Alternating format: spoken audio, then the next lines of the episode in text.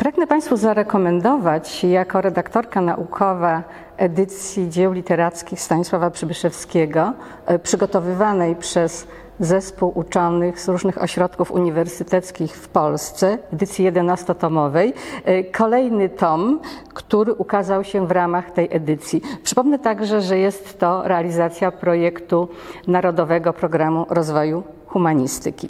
E, po pierwszym tomie, który zawierał poematy prozą Przybyszewskiego, e, które powstały w jego wczesnym niemieckojęzycznym okresie twórczości, e, czytelnicy otrzymują teraz tom trzeci, również z tego okresu, zawierający pierwszy utwór prozatorski genialnego Polaka, trylogię powieściową Homo sapiens.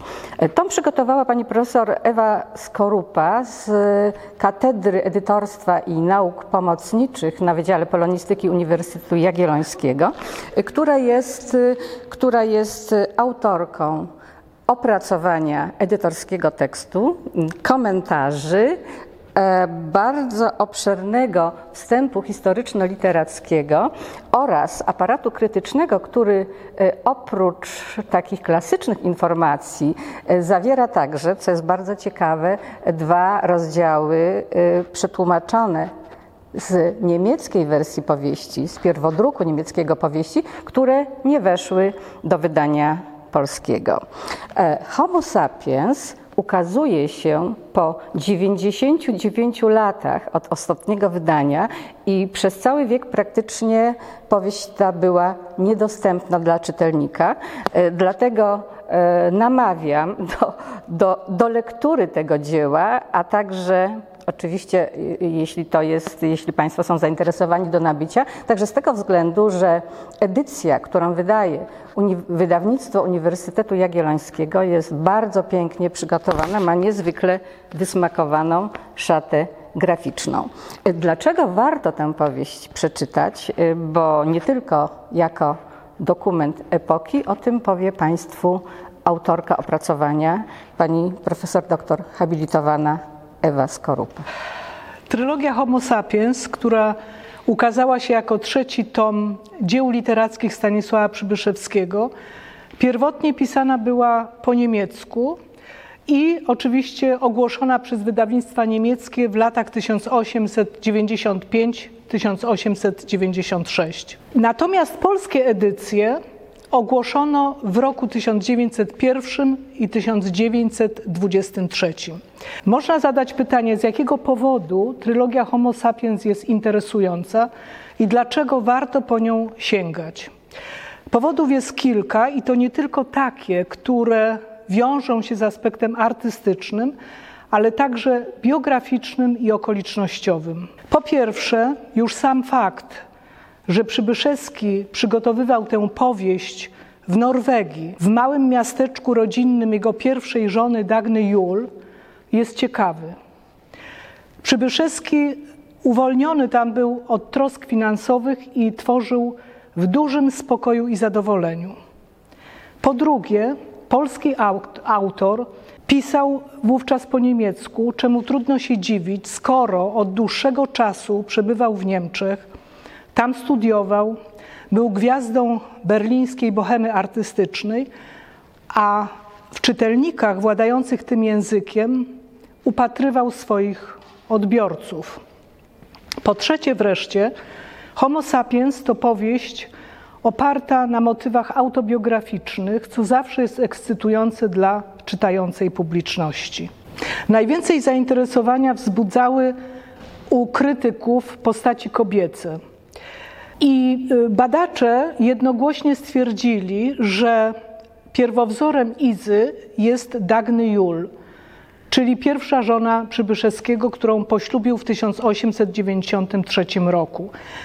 Ta norweska pianistka, tłumaczka, pisarka, muza skandynawskiej i wkrótce i berlińskiej bohemy artystycznej wzbudzała podziw i zainteresowanie dzięki swojej urodzie i niekonwencjonalnemu stylowi życia. E, również w powieści zostały uwiecznione postaci słynnych artystów Edwarda Munka i dramatopisarza Augusta Strindberga. Warto w tym kontekście artystów wspomnieć o miejscu spotkań berlińskiej bohemy, winiarni zum Schwarzenferkel, która posłużyła Przybyszewskiemu do stworzenia jako pierwowzór do wprowadzonej do powieści restauracji pod Zielonym Słowikiem.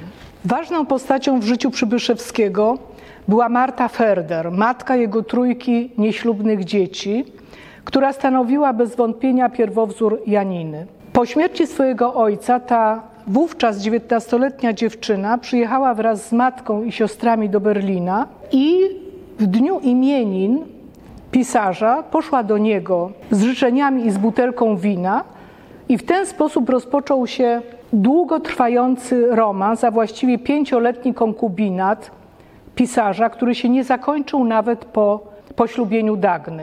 Nawiązań autobiograficznych jest dużo więcej, jednak warto sięgnąć po Homo sapiens także z innych powodów, tym razem artystycznych.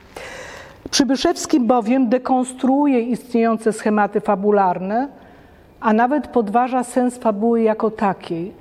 Lekceważy tradycyjne portrety literackie bohaterów, kpi z potrzeby opisywania ich wyglądu, garderoby, miejsca, w których przebywają, dając w tym względzie całkowitą wolność odbiorcy. Przybyszewski bardzo dokładnie wiedział, miał dokładne wyobrażenie na temat tego, jak powinny wyglądać nowe teksty, nowe przekazy artystyczne. Jego interesowały przeżycia wewnętrzne, jego interesowała ciemna sfera człowieka. Natomiast odbiorca był w pewnym sensie zdany na siebie. Nie było tu już podpowiedzi narratorskich, tylko odbiorca musiał sam odpowiedzieć sobie na pytanie, jaki jest charakter bohatera, musiał sam odpowiedzieć na pytanie, czy postępowanie bohaterów jest słuszne. Czyli tutaj bardzo wiele Przybyszewski wolności dawał właśnie odbiorcy, czytelnikowi swojemu. Najwięcej emocji wzbudzał w powieści Eryk Falk oczywiście, e, który, którego portret psychologiczny studiowali bez wyjątku wszyscy krytycy, wypowiadając się zazwyczaj o nim negatywnie. A przecież Przybyszewski próbował stworzyć pod postacią Eryka Falka człowieka przejściowego, człowieka końca XIX wieku, człowieka, który był postacią tragiczną, dlatego że rozdartą pomiędzy instynktami, a pomiędzy sumieniem, które je kontrolowało. E, I wreszcie warto sięgnąć po Homo sapiens także i z tego powodu, aby przekonać się, czy obelgi, którymi obrzucano bohaterów literackich e, Przybyszewskiego były słuszne, czy zarzuty o pornografię stawiane Homo sapiens miały swoje uzasadnienie. Warto także spróbować przekonać się, czy o tym, czy opinie badaczy dotyczące nowatorstwa Homo sapiens miały swoje uzasadnienie. To nowatorstwo, które polegało na zaprzeczeniu dotychczasowych schematów fabularnych, na wprowadzeniu scenicznej kompozycji, na wprowadzeniu dialogowości, na wprowadzeniu portretów antyfizjonomicznych, na tym, że sfera zewnętrzna była przemieszana ze sferą wewnętrzną, z przeżyciami człowieka, właśnie z tymi negatywnymi emocjami, z tymi najbardziej, z tą najbardziej ciemną sferą e, człowieka. I wreszcie na koniec warto sprawdzić, czy powieść ta także i dziś może być doceniona za swoje prekursorstwo.